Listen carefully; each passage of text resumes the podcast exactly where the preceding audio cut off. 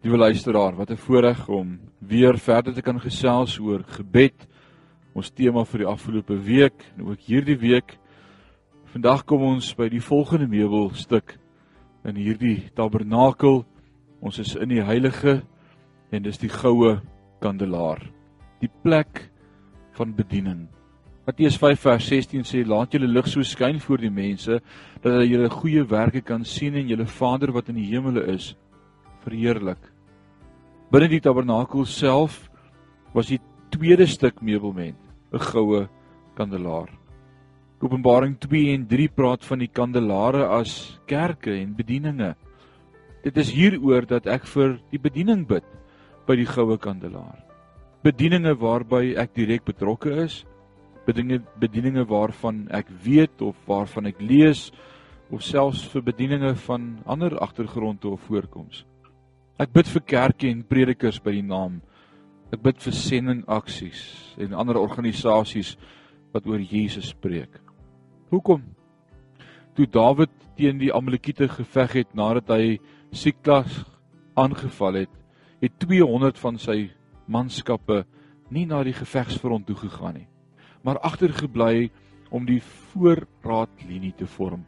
Toe Dawid en sy manskappe na die geveg en oorwinning terugkeer, sê die manne wat saam met hom geveg het, ons gaan die buit net tussen die wat geveg het verdeel. Nee sê Dawid, die manne wat die voorraadlinie beman het, sal saam met die deel in die buit. 1 Samuel hoofstuk 30. Deur vir ander bedieninge te bid, hou jy die voorraadlinie oop. Jy deel in daardie bediening se beloning wanneer jy voor God gaan staan.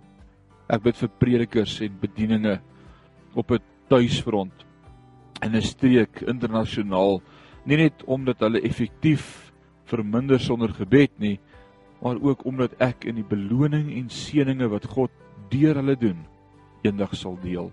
Jesaja sê in Jesaja 60 vers 1 tot 2 dat die volk van Israel 'n lig vir die nasies moet wees. Met ander woorde, die rede waarom Israel aanvanklik ontstaan het, was om aan die hele wêreld te wys hoe om God te ken en saam met hom te stap. So ook was dit ons voorreg en verantwoordelikheid as gelowiges om vir bedieninge te bid wat lig werp op wat dit beteken om God te ken en saam met hom te stap. As jy op soek is na beloning, as jy God wil hoor sê goed gedoen, moedig ek jou aan om tyd by die goue kandelaar deur te bring. Bid vir die ligte van die wêreld.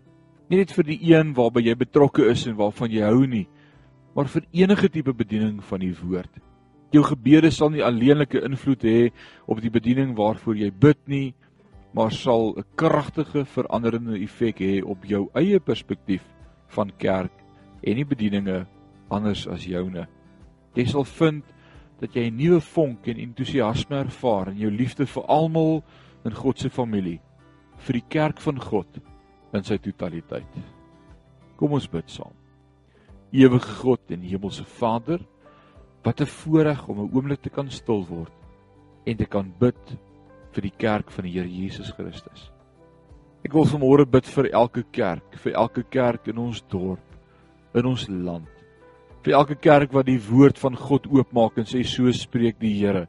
Ek wil bid dat U Heilige Gees daardie woord sal dryf Ek wil bid Vader dat U sal beheer neem van elke bediening en dat die woord van God geproklaameer sal word as die vryheid en die vrymakende krag van God in aksie gesien sal word in gemeentes oor ons land.